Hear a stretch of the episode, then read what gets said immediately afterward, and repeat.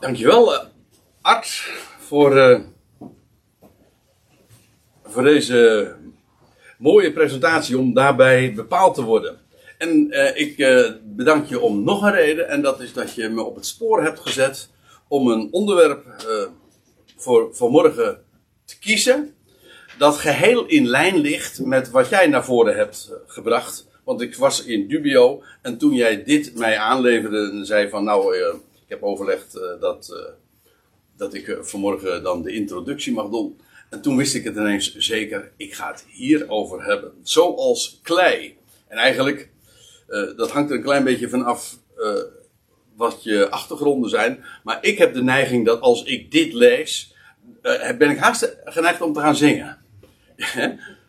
en ik zie bepaalde mensen nu ook instemmend ja knikken als je opgegroeid bent, eh, of in ieder geval de liedjes van eh, Ellie en Rickert kent, dan uh, zoals klei in de hand van de pottenbakker. Nee, ik ga het niet zingen.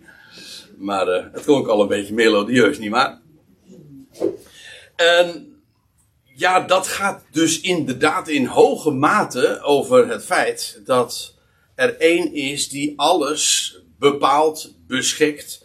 Maar misschien is het goed om nog eventjes dat was een beetje tricky, want ik wist natuurlijk niet precies wat, uh, wat Art uh, over de omstandigheden naar voren zou brengen. Maar ik heb het, uh, ik heb het inderdaad goed bezien. want ik wilde eigenlijk graag nog eventjes inzoomen op dat, dat woord omstandigheden. Kijk, God is de grote creator, de schepper. En ook plaatser, want dat is wat het woord God betekent. Theos. Het Griekse woord voor God betekent letterlijk zelfs degene die alles een plaats toewijst of geeft of beschikt. En ja, als je het uh, inzoekt op dat woord omstandigheden, dat heeft Art dus niet gedaan, dus dat is een mooie gelegenheid om dat alsnog dan even te doen. Dat woord is opgebouwd uit uh, twee elementen, namelijk het woordje om en stand. Um, dat, wat dus letterlijk zoiets betekent, als je het vanuit die elementen opbouw beziet, uh, wat rondom staat. Dat is eigenlijk omstandigheden. En dus uh, dat heeft te maken met wat. Uh, wij bevinden ons ergens in en om ons heen zijn allerlei situaties, voorvallen en dat heet dan omstandigheden. En de aardigheid is dat dat in zoveel talen het geval is. Ik heb gezien in het Scandinavisch, al, alle Scandinavische talen, Deens uh, en, en, het uh, Zweeds, het Noors, en daar is het ook allemaal zoiets als omstandigheden. Dat klinkt zelfs een beetje zo. En in het Engels trouwens ook, daar heb je circumstance. En dat is in het Frans hetzelfde fenomeen, maar ook in het Latijn circumstare ik weet niet of ik het goed uitspreek, maar in ieder geval, dan herken je direct dat woord. Maar de aardigheid is dat circum ook te maken heeft, je hoort het al, het woordje cirkel. En dat betekent, uh, heeft dus de gedachte van rondom. En dat stans of staren, of nou ja, hoe je, in welke taal je het ook zegt, dat heeft te maken met staan. Zodat je in eigenlijk vrijwel alle Europese talen zo'n beetje dus het fenomeen krijgt dat we allemaal zeggen omstandigheden op onze eigen manier. Maar de gedachte is iedere keer van dat wat om ons heen staat, of wat om ons heen geplaatst is. En, en ja, waar we in hoge mate uh, geen of weinig invloed op hebben. Soms wel, natuurlijk. Ik, ik, weet, er zijn omstandigheden waarvan we in ieder geval de indruk hebben dat we dat wel enigszins kunnen beïnvloeden, nietwaar? Maar uh, ja, hoe, hoe gaat het ook alweer? De mens wikt, maar God beschikt. Dus, en daar ging het verhaal van Art uh, vooral ook over. Hoe, hoe allerlei omstandigheden, zelfs die je op korte termijn plant en waarvan je eigenlijk zeker weet dat het zo zal gaan, dat, het, dat er maar dit hoeft te gebeuren. En het blijkt dan weer totaal anders te zijn. Trouwens, ik kwam erachter dat in het Grieks hetzelfde fenomeen zich voordoet. De aardigheid is trouwens, of het aparte, ik heb het opgezocht, maar in, het, in de, onze, nog in de Septuagint, nog in het Nieuwe Testament, uh, tref je dit Griekse woord aan. Maar er is dus gewoon een Grieks woord, wat, uh, dat is peristasis, uh, wat dus nogmaals niet in de Bijbel voorkomt, maar dat is exact weer dezelfde gedachte. Peri is het voorzetsel, dat betekent rondom. Hè? Er zijn zoveel woorden. Hè? Periferie, hè? of de, de, de Perfectie. hè? Perfectie. Nee, perfectie is weer wat anders. Jammer, eh, eh, per, periscoop, ja. Eh, nou ja, in ieder geval he- heel wat woorden die, eh, die, waarin dat voorzetsel eh, besloten ligt. En waarbij peri dus rondom betekent. En stasis, je herkent het eigenlijk direct. Dat is eigenlijk hetzelfde gedachte als bij, in, het, in het staren of staan bij ons of stans. Of, je, je hoort direct de, de overeenkomst zodat die, al die talen toch op een of andere manier toch wel links of rechtsom eh, tot elkaar te herleiden zijn. En dat betekent stasis, betekent staan. Dat komt trouwens wel, dat onderdeel komt in het, eh, in het Grieks, in de Griekse Nieuwe Testament wel heel uitdrukkelijk naar voren. Want je hebt het woord opstanding, dat is anastasis. Ana betekent naar omhoog. Hè, dat is een, geeft een richting aan. En stasis is staan, opstaan, opstanding. Dus eh, het, eh, de aardigheid van dat woord omstandigheden, dat eh, heeft te maken met dat waar we ons in bevinden, de dingen om ons heen. Ja, nou ja, die, wat we dus inmiddels al geconcludeerd hebben, daar heeft de mens geen of weinig invloed op. op eh, en er is er één die dat alles doet toevallen. Want daarover kun je natuurlijk altijd eh, discussiëren. In hoeverre bestaat er nou toeval? Ja of nee? Art zei, er bestaat geen toeval. Ik zeg, er staat, bestaat wel toeval. Maar we, bedoelen hetzelfde. Want hij, voor zover het toevalt, is hij het die het ons doet toevallen. Dus, eh, dus uiteindelijk in de praktijk is dat toch exact dezelfde gedachte. Er is een plaatser. Maar niet alleen, en eh, Art gaf al een, een voorzetje daartoe, en ik wil daar nog wat, eh, wat dieper op ingaan. Niet alleen de omstandigheden zijn Gods creatie en de wijze waarop Hij dat eh, in ons leven plaatst, maar ook wij zelf. Hij is de creator in alles wat we zijn en alles wat we hebben, zijn wij, en nou komen we bij ons onderwerp, zijn wij als klei in de hand van de pottenbakker. Dus niet alleen maar onze omstandigheden, maar ook wij zelf en intern. Want eh, dat is vaak dan nog het gedachte van, ja, God heeft wel de omstandigheden in handen, maar wij hebben een vrije wil. Hè? In ons eh, zit een, ehm, een entiteit, ik weet niet hoe, hoe dat dan voorgesteld wordt, maar in ieder geval, ja, de, de omstandigheden, die, dat is dan misschien wel eh, God de, de doorslaggevende factor. Maar wat wij zelf kiezen, ja, daar, daar blijft God eh, van af. Want, en dat is in feite ook de essentie van de leer van de vrije wil. Bij de leer van de vrije wil bedoelt men niet te zeggen dat we iets vrijwillig kunnen doen, want dat is duidelijk. Er zijn zoveel dingen die je eh, vrijwillig doet. Oh ja, er zijn ook heel veel dingen trouwens die we niet vrijwillig doen, maar die we toch moeten doen. En dat is dus niet vrijwillig.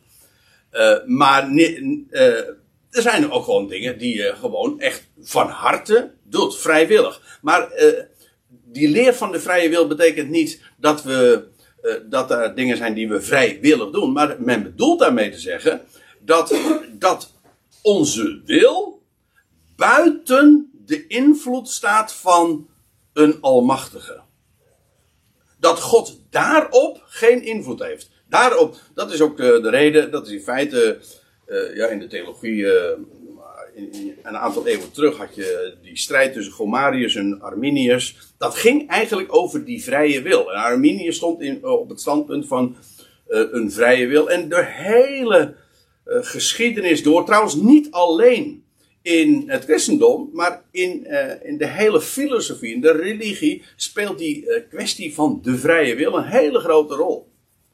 Altijd weer. In hoeverre eh, kun je werkelijk vrijwillig kiezen? Of is, is onze vrije wil gewoon een illusie? Je denkt, je bent je niet bewust van de factoren eh, waardoor jij een bepaalde keuze maakt. Maar in werkelijkheid, het loutere feit dat je er niet van bewust bent, betekent, niet dat, eh, dat die factoren er niet zijn. Nou, en het is deze waarheid van dat wij als klei, dat wij zelf dus, niet alleen die omstandigheden, maar wij zelf zijn als klei in de hand van de pottenbakker. Dat is waar Paulus in eh, Romeinen 9, en we zoomen in op een, eh, een slechts een klein passage eigenlijk, vers 17 tot 23, eh, waar Paulus daar nader op ingaat. Het is nog niet eens zo heel erg lang geleden dat, dat Gerard hier zelf ook over gesproken heeft. Maar dat is alweer zo lang geleden, dat bent u al lang weer vergeten.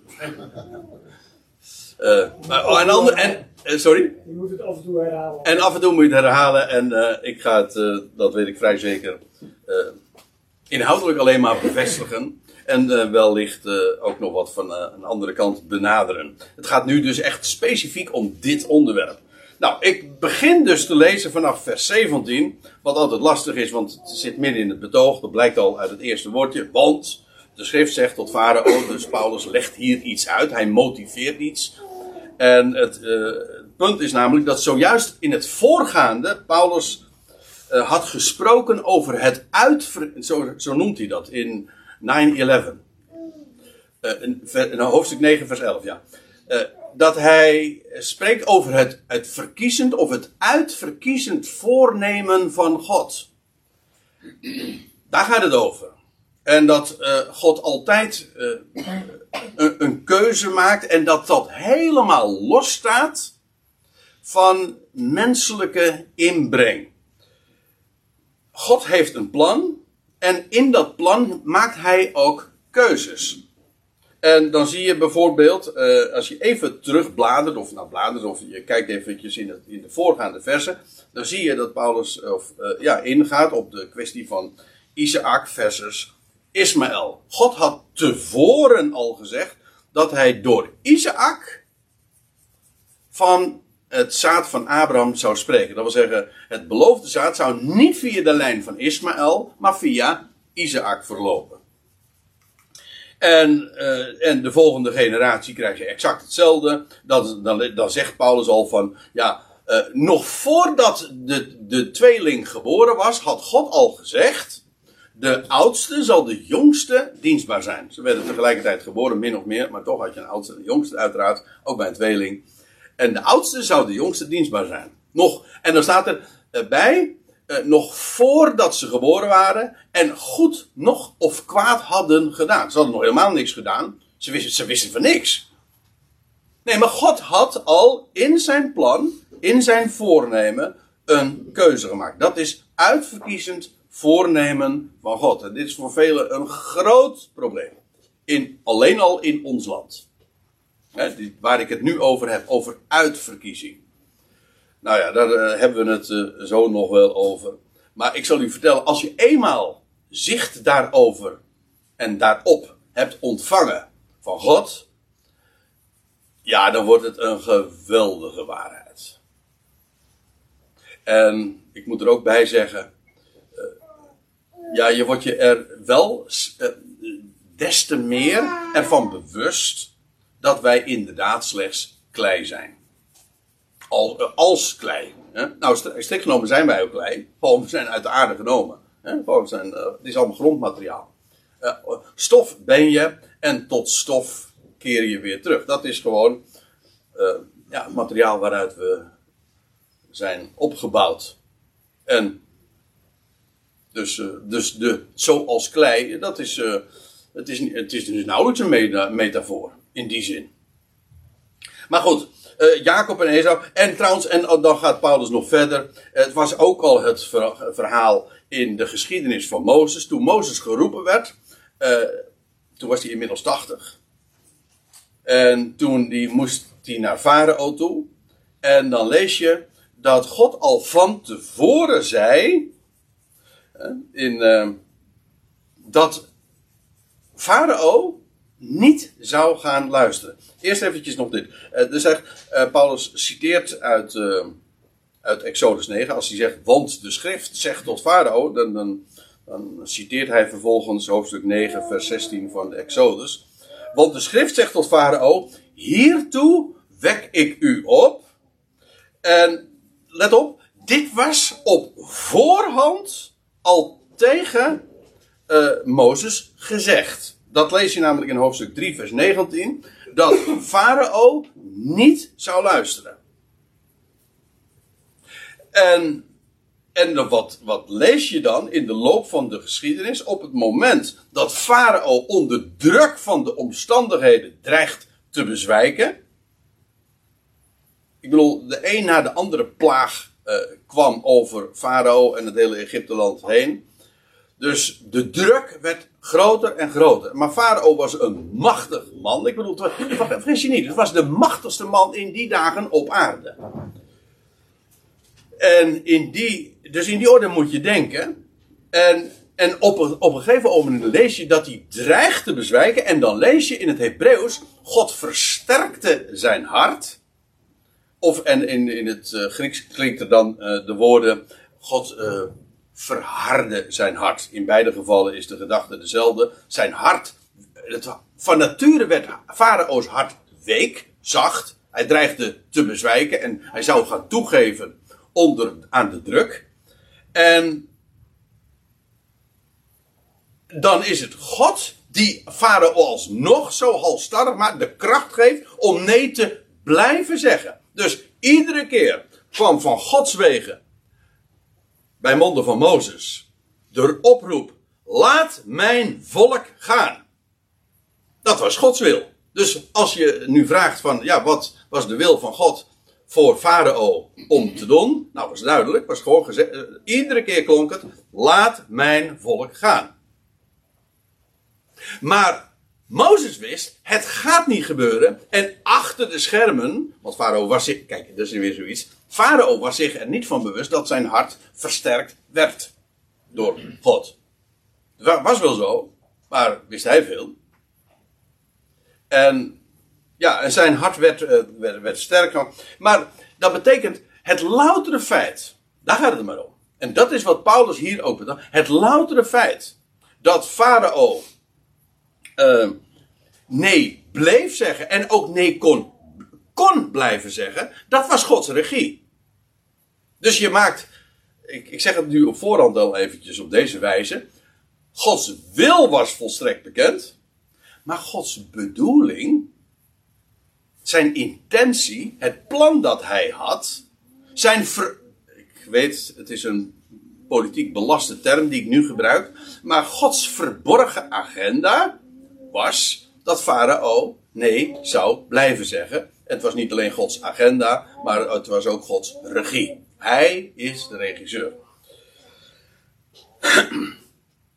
En, uh, want, de farao, want de schrift zegt tot Farao: Hiertoe wek ik u op, zodat ik in u mijn kracht zou uh, betonen. ja, en dit, dit, als je hierover doordenkt, dan betekent dat dus: uh, God pakt neemt bij uitstek de, het grootste zwaargewicht. Ik bedoel dat figuurlijk. Ik eh, de meest, de politiek meest gewichtige persoon op aarde, dat was in die dagen Farao. Als God nou zijn kracht wil betonen, ja, dan heb je een tegenstander nodig die enige, die, die echt iets in de, in, uh, die gewicht in de schaal legt. Hè? Als ik, als ik wil laten zien dat ik heel erg goed kan schaken, wat ik trouwens niet kan. Maar goed, stel je voor dat.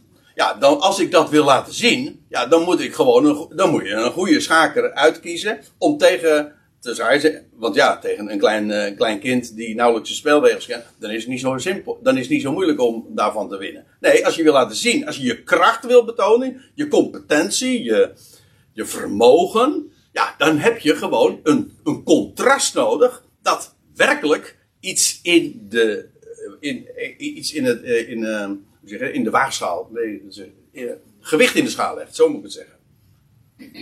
En daarom, dat contrast, dat had God nodig en zet hij dan ook daadwerkelijk in.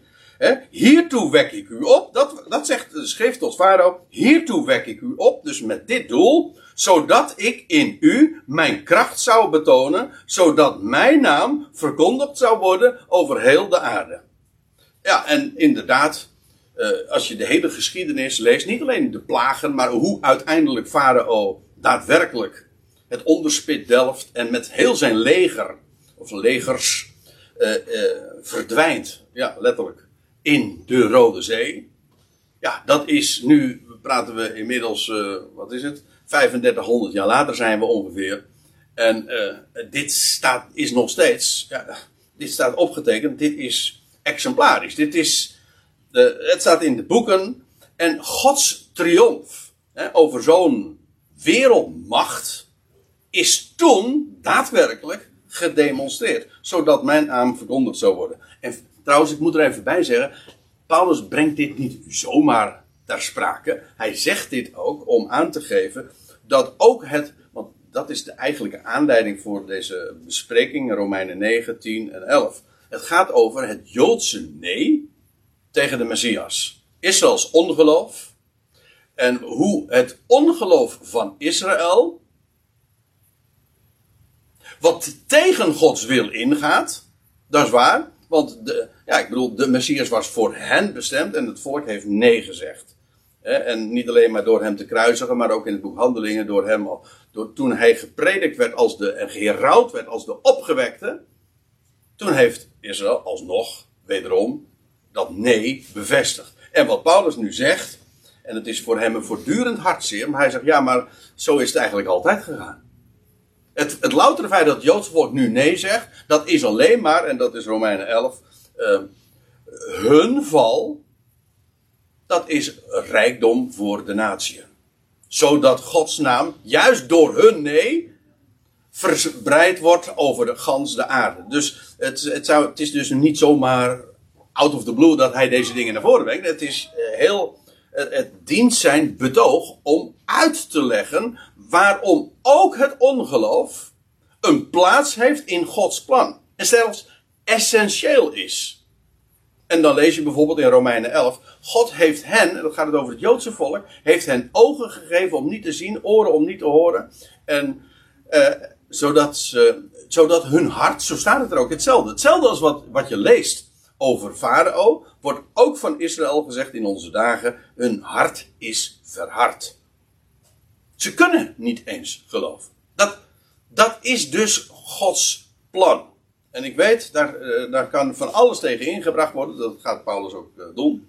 Dat wil zeggen, hij gaat die argumenten ook bespreken. Maar dat is de Bijbelse waarheid. Mensen hebben er zoveel moeite mee. Omdat het grootste probleem met deze waarheid is dat de mens zo ontzettend nietig en gering is. Elke waan van ik ben toch wat. Het zij als geloof, zo gelovigen of als ongelovigen, in beide gevallen, ja. Wat verbeeld je je? Oké, laten, we, laten we even verder lezen. Vers 18. Dus, daar komt de conclusie, na, na alles wat zojuist door de apostel naar voren is gebracht. Dus, dan ontfermt hij zich over wie hij wil. Maar net zo goed, hij verhardt ook wie hij wil.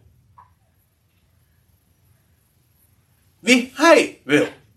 Dus, eh, wat, wat hier dus heel essentieel is, dus niet alleen de omstandigheden, maar ook het hart en de wil van de mens regisseert vol God, uh, God volkomen.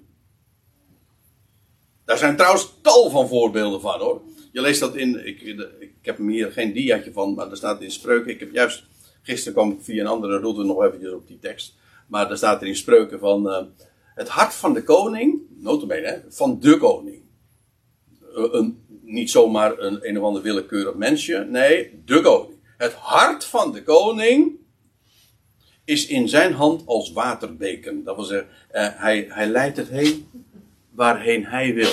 Het is een stroompje water en het is niet zo, oh, hoe, hoe moet dat? Nee, hij, hij, als hij dat daarheen wil, dan, dan, dan dirigeert hij het naar die kant. Dat wil zeggen, hij leidt het overal heen waar hij hem behaagt. Dus zelfs de machtigste wil is in zijn hand volstrekt niet zeggen. Hij zet het in, maar niemand hoeft zich ook maar iets te verbeelden. En ik zal u nog een voorbeeld geven, want ik, ik, zou, ik las dat zojuist over Farao, wiens hart verhard werd. Maar weet u, je leest het zelfs over het hele volk van Egypte. En uh, daar staat in Psalm 105, dat is een, psalm waarin de psalmist terug, eh, ja, terugblikt op de geschiedenis van Israël. Eigenlijk allerlei, ja, als ik het zo mag zeggen, wapenfeiten van God. En dan staat er in vers 25 van Psalm 105. Hij, en dan gaat het over God, keerde hun hart om. Niet alleen dat van Farao dus, hun hart om. Het gaat over de Egypten. Zodat zij, meervoud, het volk, zijn volk haten. Dus we, we praten hier over de situatie. Kijk het maar na in, in dat hele verband. Uh, Israël bevindt, of het Joodse volk, of het volk van Israël bevindt zich in het land van Egypte. De, de druk wordt groot. En dat volk van Egypte heeft dat volk van Israël, dat, dat, zich, dat, dat maar bleef groeien, heeft hij, of dat, dat werd gehaat. Dat kun je trouwens ook kun je makkelijk voorstellen. Hè? Want al die plagen, iedereen had wel in de gaten. Ja, dat al die plagen die het volk overkwamen, dat had direct, dat moest direct te maken hebben met dat, dat, dat uh, volk dat, dat, dat maar zo uh, de kont tegen de krip gooide en dat maar zo op zich zo verzette tegen de farao. En uh, dat, heel, dat hele politieke sentiment, als er, laat ik het zo zeggen, als, de, als toen de tijd farao een verkiezing had uitgeschreven, had hij echt ruimschoots gewonnen. Dus ja, en het hele, niet alleen Farao, maar het hele volk van Egypte haatte dat volk van Israël. Moet nagaan, wat hier staat. En God keerde hun hart om. God zelf had dat dus geregisseerd.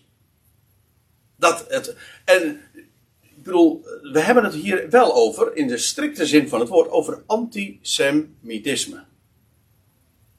Zij haten het volk van Israël. Uh, wie is daarvan de auteur? Ja, ik, ik weet het. Uh, dit zijn hele lastige dingen om dit naar voren te brengen, want mensen, ja, dit is. Dit gaat zo in tegen alles van uh, wat maar riekt naar de vrije wil. Is het nou werkelijk zo dat dat afschuwelijke kwaad wat tegen Israël werd gepland in, in, in Egypte, dat dat uh, de goddelijke regie was? Dan zeg je jazeker. Het staat zwart op wit zo in de Bijbel. God regisseerde dat zo. Ja. Ja, maar tot dusver, het betoog is duidelijk en helder, maar ik kan me wel heel goed voorstellen dat Paulus nu een denkbeeldige opponent, zeg maar, invoert, die, zeg maar, zijn betoog gaat bestrijden. Want uh, het argument dat je nu eigenlijk, uh, ja, dat dringt zich gewoon aan je op van, ja, als dat, als dat zo is, als dus het grootste onrecht, het kwaad dat tegen Israël werd gesmeed. Een farao die, die uh, niet eens kon luisteren en gehoor kon geven aan de roepstem van laat mijn volk gaan.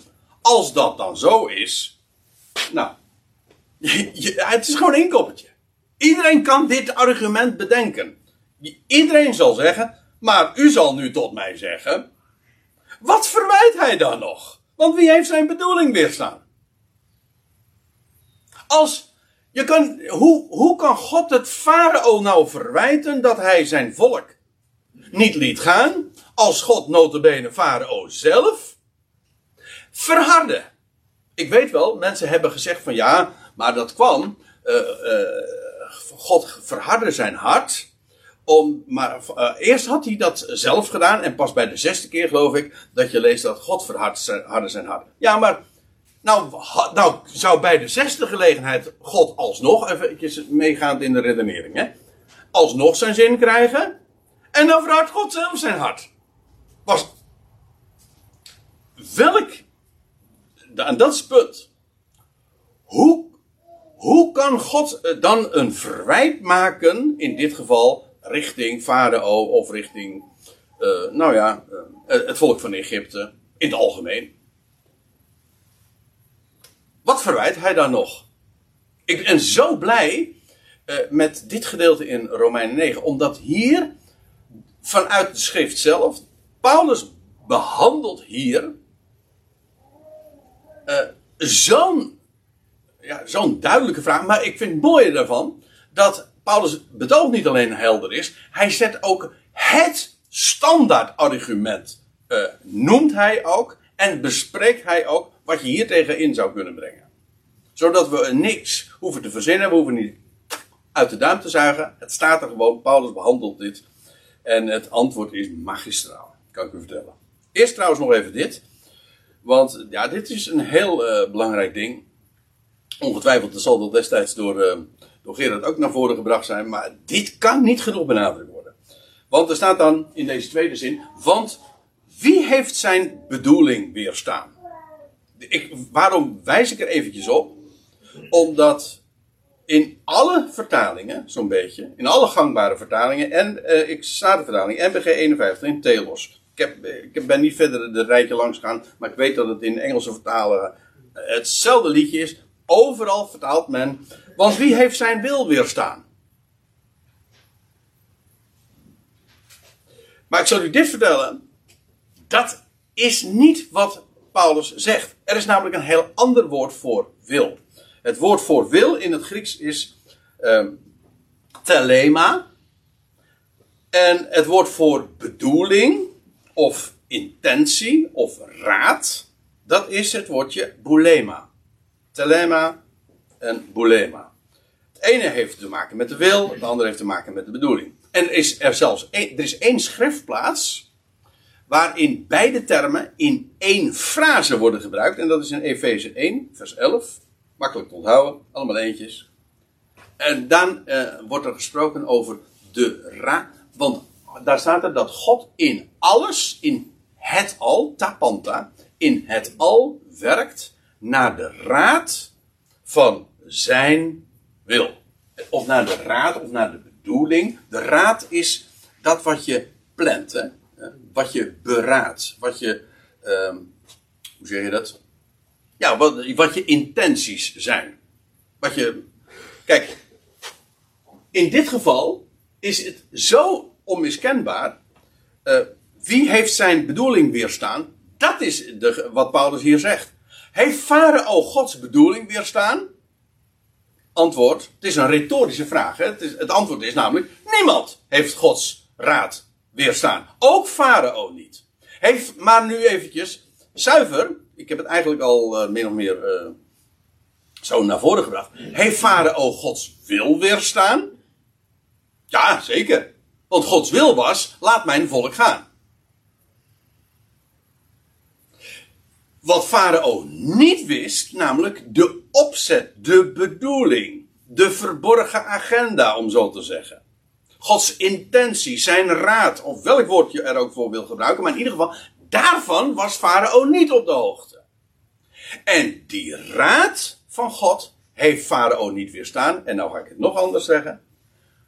Nooit en niemand heeft ooit Gods bedoeling weerstaan.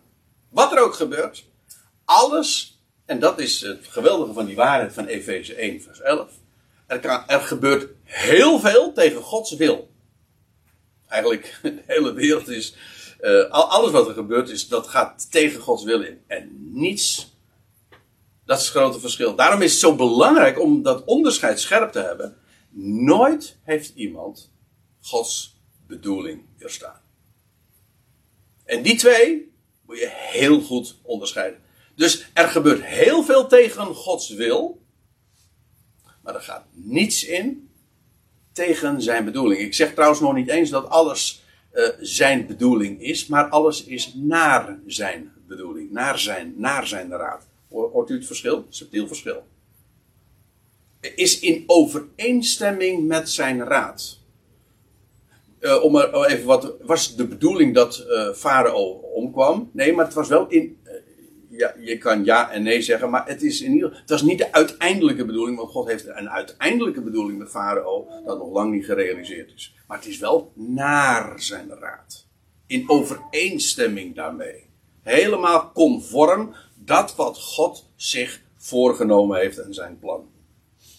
Ja, dus wat verwijt hij dan nog? Want wie heeft zijn bedoeling weerstaan? Het antwoord is dus niemand. Maar nou komt.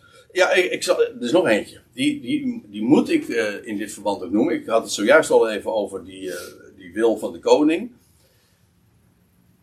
En, maar in dit geval uh, weer een boek uit het boek Spreuken. En die blijf ik natuurlijk ook magistraal vinden. Omdat het hier ook zo weer zo expliciet staat. En zelfs als je dan denkt van, ja nou alles, dat zal wel tussen aanhalingstekens zijn van, uh, niet letterlijk natuurlijk. Hè? Uh, dat wordt er dan ook nog eventjes, uh, er wordt nog eventjes de puntjes op de i gezet. Er staat, Yahweh, of de Heer, staat er in uw vertaling, heeft alles gemaakt voor zijn doel, behalve de God. Oh nee. Ja, dat zou je dan verwachten, hè? God heeft alles gemaakt voor zijn doel, behalve de goddeloze voor de dag des Dat uiteraard niet. Nee, er staat erbij, ja, zelfs de goddeloze voor de dag van het kwaad. Dus, en die dag van het kwaad, en die goddeloze, is dat die daar zijn en is helemaal volgens zijn bedoeling. Dus er gebeurt, en daarom blijf ik zeggen, het is, het is de waarheid die, die zo logisch voortvloeit uit het feit dat God de plaatser is. En dus gaat er bij hem nooit iets mis. Oftewel, alles wat plaatsvindt, heeft een bedoeling. Waarom? Wel, God is de plaatser, hij is de Theos. En ja, de afgelopen vrijdag hadden wij bezoek. En toen hadden we nog een hele gesprek, nietwaar Petra, over, over, over, over deze dingen. En ja, het, het is in het algemeen iets waar zoveel mensen tegenaan lopen. Maar dat kan toch niet? Maar dank God op je blote knietjes dat we werkelijk een God hebben. Want dat, als, als er inderdaad een God is, en zelfs de, goddel, de, de meest goddeloze daad die je maar kunt bedenken, of het kwaad wat er nog gaat komen, zelf, alles is zijn regie. En nooit gaat er bij hem iets fout. Nou, en nu eventjes, uh, u zal nu tot mij zeggen, wat verwijt hij nog? Ik ga weer even terug naar dat betoog. Want wie heeft zijn bedoeling weerstaan? Antwoord is, nou, niemand. Maar nou komt Paulus met, uh, met zijn reactie. Zeker, o mens. Maar dat, hij bevestigt dus in feite de conclusie. Niemand heeft zijn bedoeling weerstaan. Maar zegt hij, nou even wat anders. Wie bent u dat u God tegenspreekt? Dus voordat Paulus nu antwoord gaat geven op de vraag zelf, zet hij de vraagsteller even op zijn plek. Niet uh, uh, wat de, het antwoord is op de vraag, maar hij zegt: Wie bent u? Dat u God tegenspreekt. Wat, eigenlijk, wat verbeeld je je nou eigenlijk? Weet je het beter of zo? En, maar nou, nou, nou het antwoord op de vraag zelf. Uh, eigenlijk is het, uh, hij, hij beantwoordt het aan de hand van een metafoor. Ik zei al, eigenlijk is het meer dan een metafoor. Uh, dat wij klei zijn. ja, dat is letterlijk zo. Maar hier is de gedachte dan vooral, wij zijn klei en er is één die ons gevormd heeft. Ja, ja, je kan zeggen van, ja, we zijn, zo, we zijn uit de klei getrokken. Ja, door wie dan? En uh, uh, wie, wie zijn wij? Nou, we zijn geformeerd. Dat is een mooi woord hè, in dit verband, als we het dan toch hebben over een, een pottenbakker. We zijn gevormd. Hij is de schepper, de creator. Hij heeft ons bedacht. En bovendien, hij vormt ons. En, en nou, nou komt mijn Paulus met het geboetseerde. Dat zal toch niet tegen de boetseerder zeggen: waarom maakt u mij zo? Ik bedoel, dan kun je zeggen van ja, uh, iets wat geboetseerd is, gewoon in de hand van, uh, door een pottenbakker, ja, dat kan niet praten. Nee, maar gesteld dat het wel zou kunnen praten, even hypothetisch. Dan nog. Buiten de orde, waarom? Ehm, kijk, de verhouding mens-God, die is die van, is eigenlijk, eh, loopt volstrekt parallel met die van geboetseerde en de boetseerder. En eh, Paulus vervolgt dan met, of heeft de pottenbakker van het leem niet de volmacht of het recht, het recht om uit hetzelfde kneedsel, dus je hebt een klomp klei, ja, klomp niet in de zin van dat wat je in je voeten trekt, maar gewoon een klomp klei, weet je wel. Nou, dan maak, dan maak je het ene uit en het andere. En kijk, en want het, het punt is, dat is uh, ook waar we trouwens afgelopen vrijdag, ook in dat gesprek waar ik het zojuist over had, nog even op kwamen. Hoe zit het dan met onze verantwoordelijkheid? Als God nou de boetseerder is en wij zijn het geboetseerde, uh, hebben, wij die, hebben wij dan geen verantwoordelijkheid? Wie is er, wie is er verantwoordelijk? Het hele verhaal is dat in deze vergelijking, in deze setting, het hele begrip verantwoordelijkheid gewoon misplaatst is. Dat begrip heeft, uh, dient geen enkel doel. Het, het, het gaat daar nergens over. Kijk, het leem is niet verantwoordelijk ten opzichte van de pottenbakker. Wat, wat doet leem? Leem is gewoon het leidend voorwerp, dat wordt gevormd. Is, is leem verantwoordelijk ten opzichte van de pottenbakker? Maar nou even omgekeerd. Is de pottenbakker verantwoordelijk voor het leem? In de, verantwoording in de zin van, moet dat uh, verantwoording afleggen? Is God, ver, het hele idee dat God verantwoordelijk is, ik heb het mensen horen zeggen. Maar dat is niet bijbels. Want dat suggereert alsof, hij, alsof wij hem op het matje kunnen roepen en zeggen van waarom doet u dat zo? Hoezo? Hij is de pottenbakker. Als jij een pot, als jij een pot bakt. Uh, jij bent een pot, ja, oké, je bent een pottenbakker. ja, je kan ook een koekenbakker zijn. Dat zijn dat, dan kun je beter in de politiek. Nou, maar, maar, weer...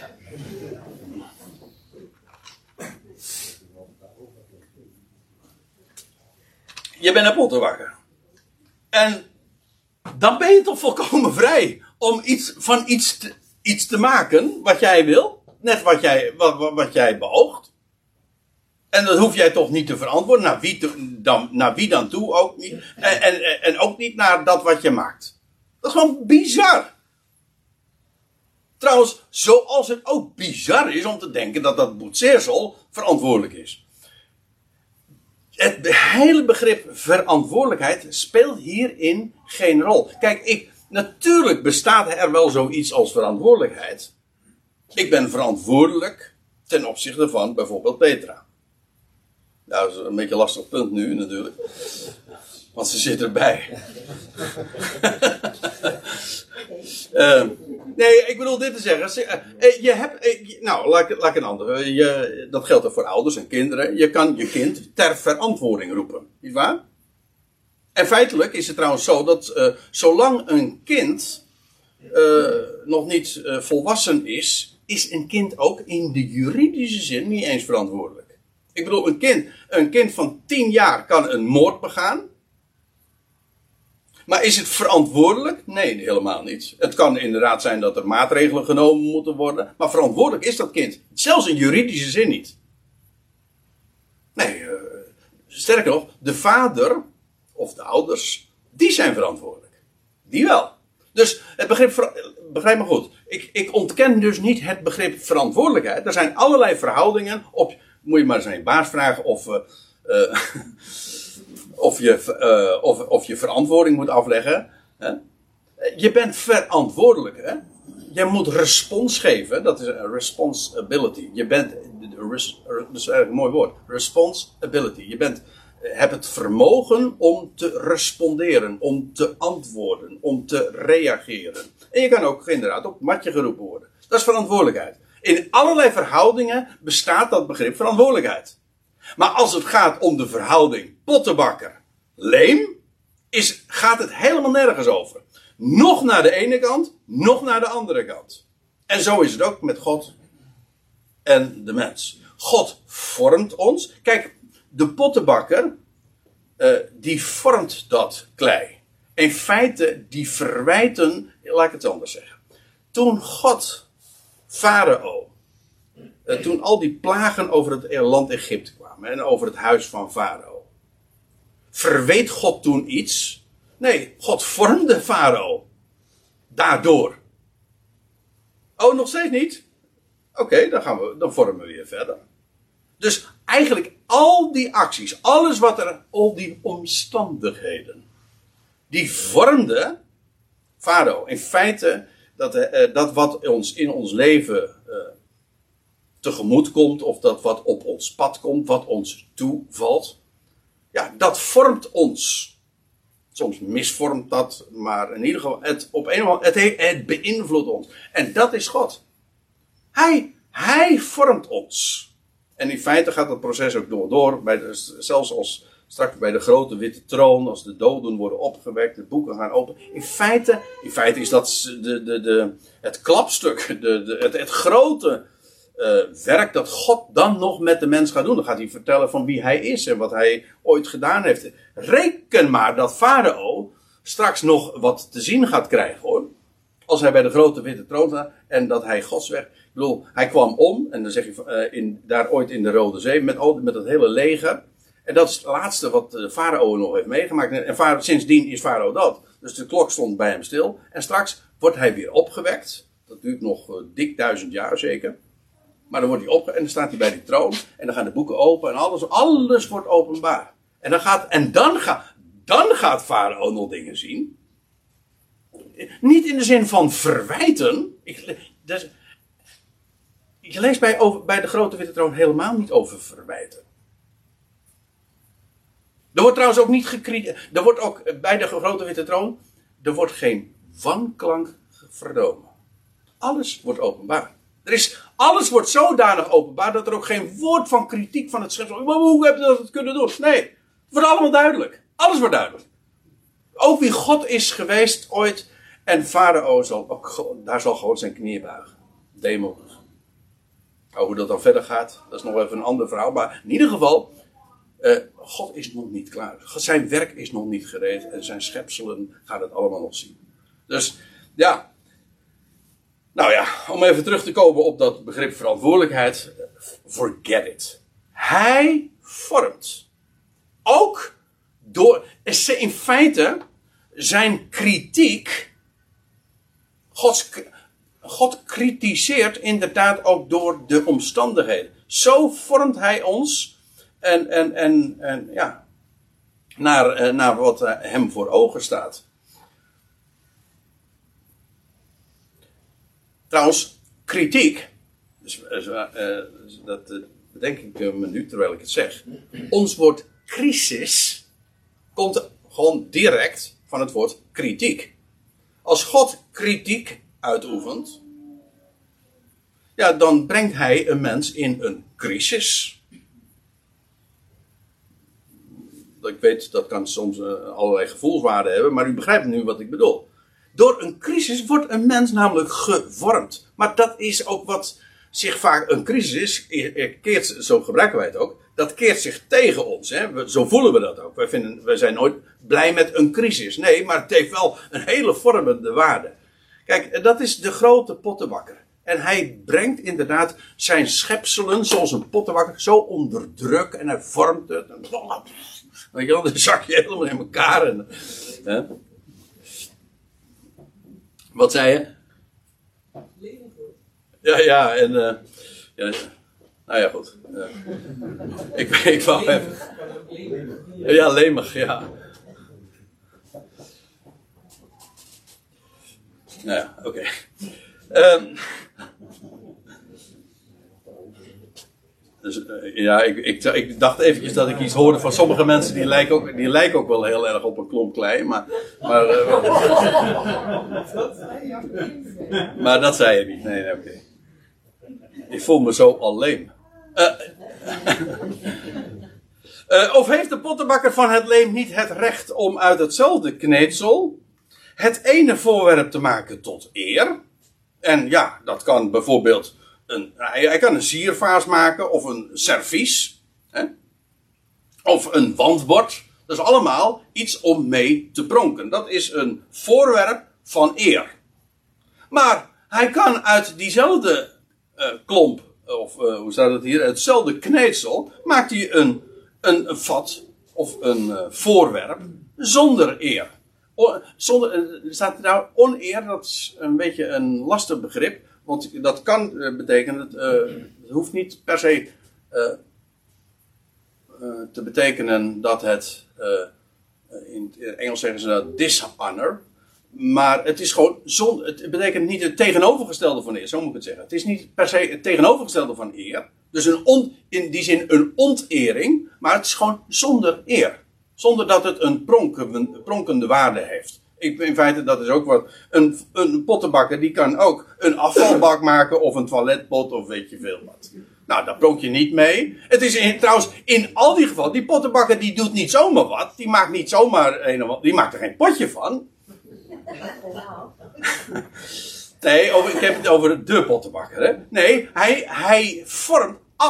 ook die, ook die, die toiletpot of die af- afvalbak, of weet je veel, of, of, of een, of een eh, asbak.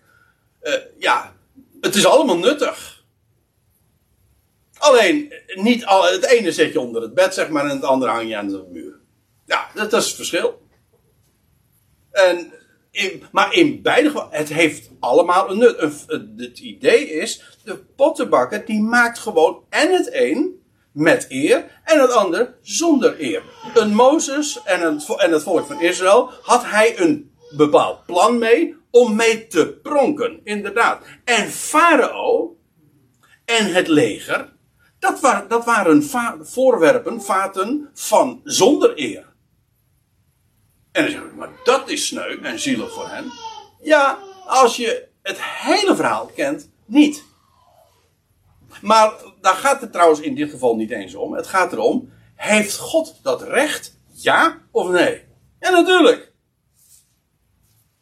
Wat verbeeld je je o- om hem daarin tegen te spreken dat hij het recht niet zou hebben? Want dat, zel- dezelfde mensen die daar God op kritiseren, die, zouden, die hebben er niet de minste moeite mee om te zeggen van nou, dat als ik pottenbakker ben, dan vind ik dat ik uit het, eh, e- uit een, uit het ene stuk leem eh, het ene tot eer en het andere tot zonder eer maak. Niemand heeft er enige moeite mee en zeggen ja, dat is evident, dat eh, daar hoef je niet voor te verantwoorden, dat is gewoon logisch, dat is jouw recht, je volmacht, whatever. Toch? Maar waarom zou je God het dan ontzeggen? Dus ja, dat, eh, dat, eh, dat is bizar. Het, is, het slaat helemaal nergens op. Het mist elke grond. En het is eigenlijk pure verbeelding. En dan vers 22. Indien God nu, indien God nu zijn toorn wil betonen. En zijn capaciteit bekendmaken. Zijn vermogen. Hè, zijn dynamis staat hier. Eh, ik denk trouwens dat het woordje en hier eh, de betekenis heeft van eh, een, een nadere verklaring. Hè, in de zin van namelijk. Indien God nu zijn toorn wil betonen, namelijk zijn capaciteit wil bekendmaken. Want Gods toorn maakt duidelijk waartoe hij in staat is. En als God dat nou wil, als God zijn capaciteit wil etaleren, bekend wil maken. En dan staat erbij, het is eigenlijk een, een, een bijzin, of een, even, ik heb het ook expres even tussen haakjes gezet. Neem me niet kwalijk. Ehm, en dan zegt er, staat er nog bij, in veel geduld voorwerpen van toorn heeft verdragen. En passant doet God dat dan ook nog eens. Hij, hij demonstreert daarbij niet alleen maar, hij gaat niet alleen zijn toorn betonen, maar hij heeft, voordat hij dat doet, heeft hij ook betoond dat hij geduldig is en niet zomaar ingrijpt. Dat zie je ook in de geschiedenis van Farao. Het is pas bij de tiende gelegenheid, dat, uh, dat was definitief, maar God heeft veel geduld gedemonstreerd. Farao kan zag, uh, om, om eventjes, uh, even nog terug te grijpen op waar ik het zojuist over had, dat Farao straks na de duizend jaren bij de grote witte troon staat, dan kan Farao niet zeggen van ja, maar u, u heeft mij ook niet de, uh, de kans gegeven of zo, u hebt meteen maar inge... Nee. Kijk, in veel geduld voorwerpen van troon, uh, van toren heeft verdragen.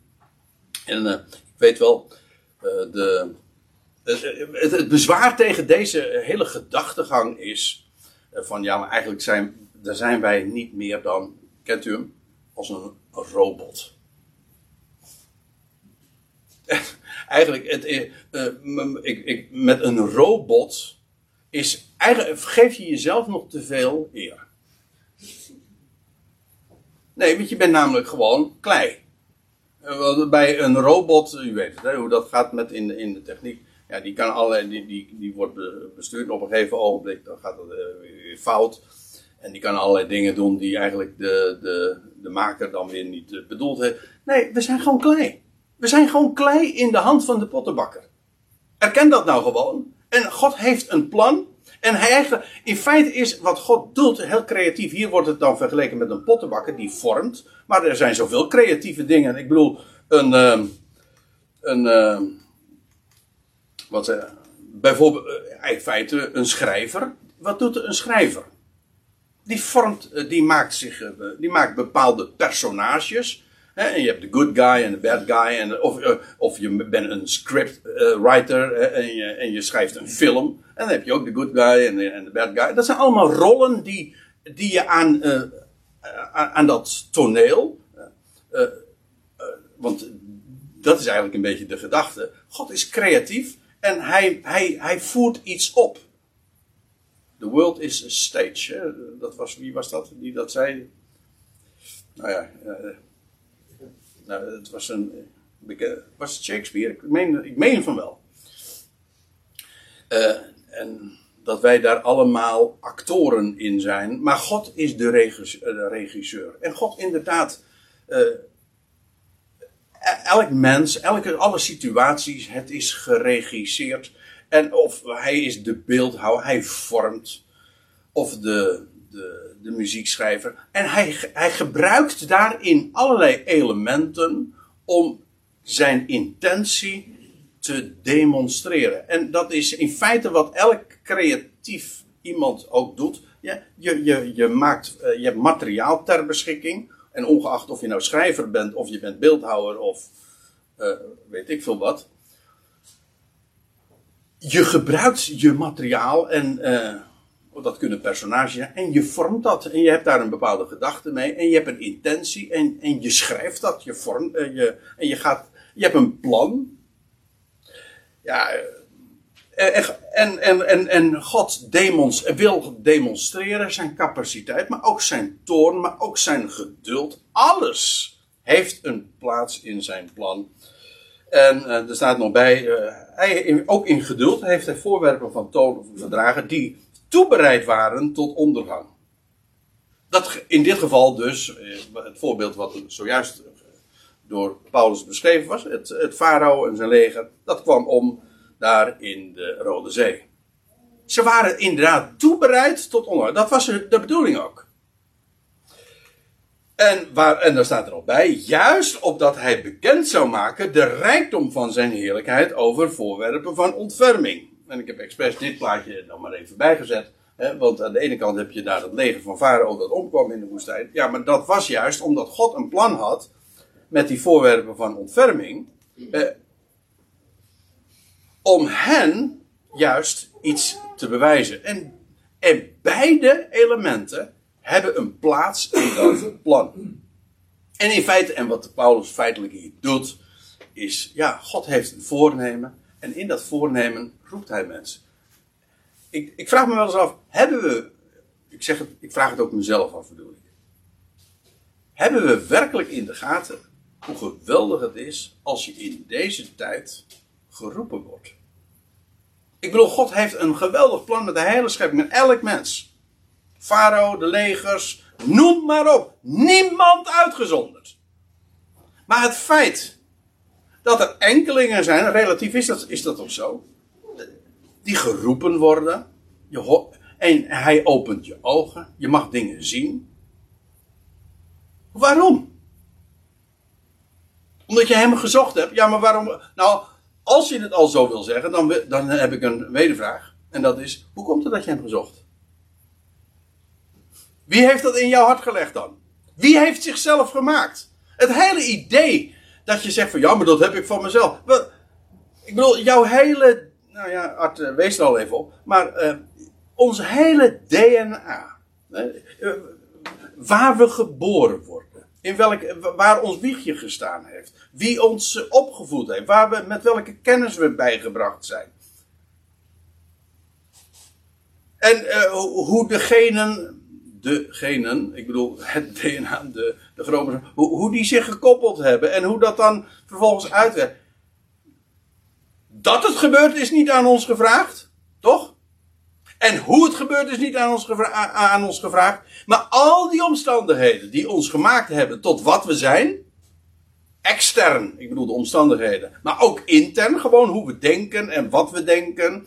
En waar we op die manier denken, onze zwakheden, onze sterke punten, et cetera. We zijn creatie. We zijn gemaakt. Dus wat verbeeld je?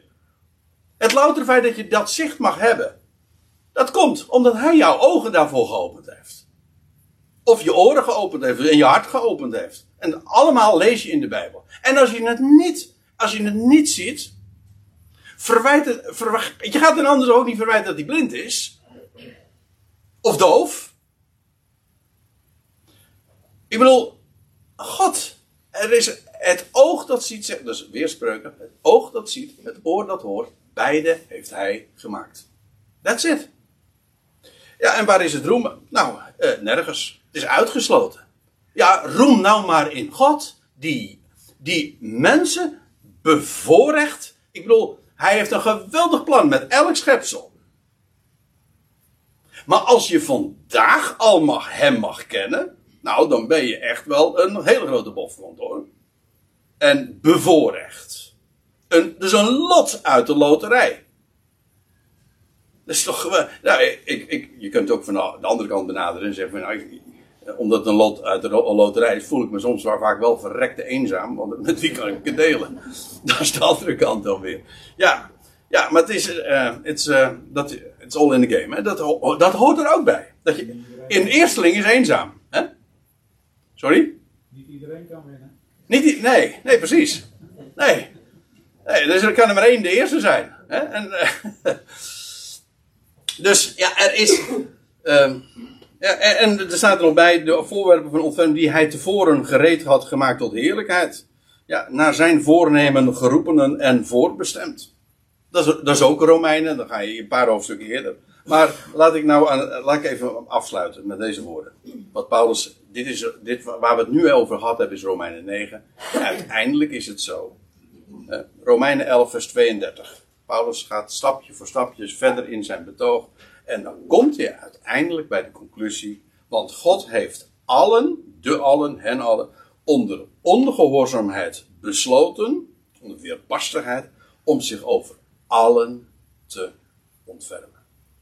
Daarom.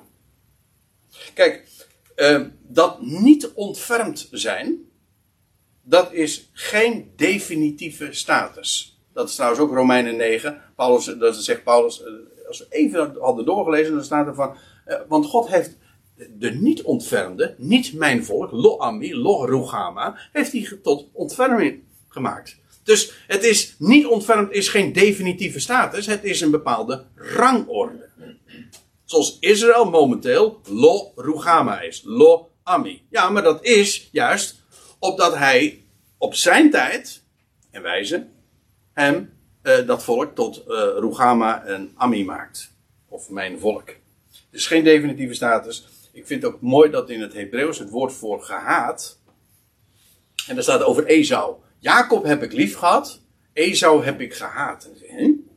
Ja, maar het woord gehaat in het Hebreeuws. Dat betekent letterlijk op de tweede plaats gesteld. Er zit het woordje genie en dat betekent eigenlijk de tweede. En dat is, het is rangorde. De oudste zal de jongste dienstbaar zijn. Dat is dus, Jacob wordt op de eerste, was de tweede, hij kreeg de eerste plaats en Esau wordt op de tweede plaats gezet. Hoe was het ook weer, vele eerste zullen de laatste zijn. En omgekeerd. Zo gaat dat. Maar het is een kwestie van rangorde. Ieder in zijn eigen rangorde.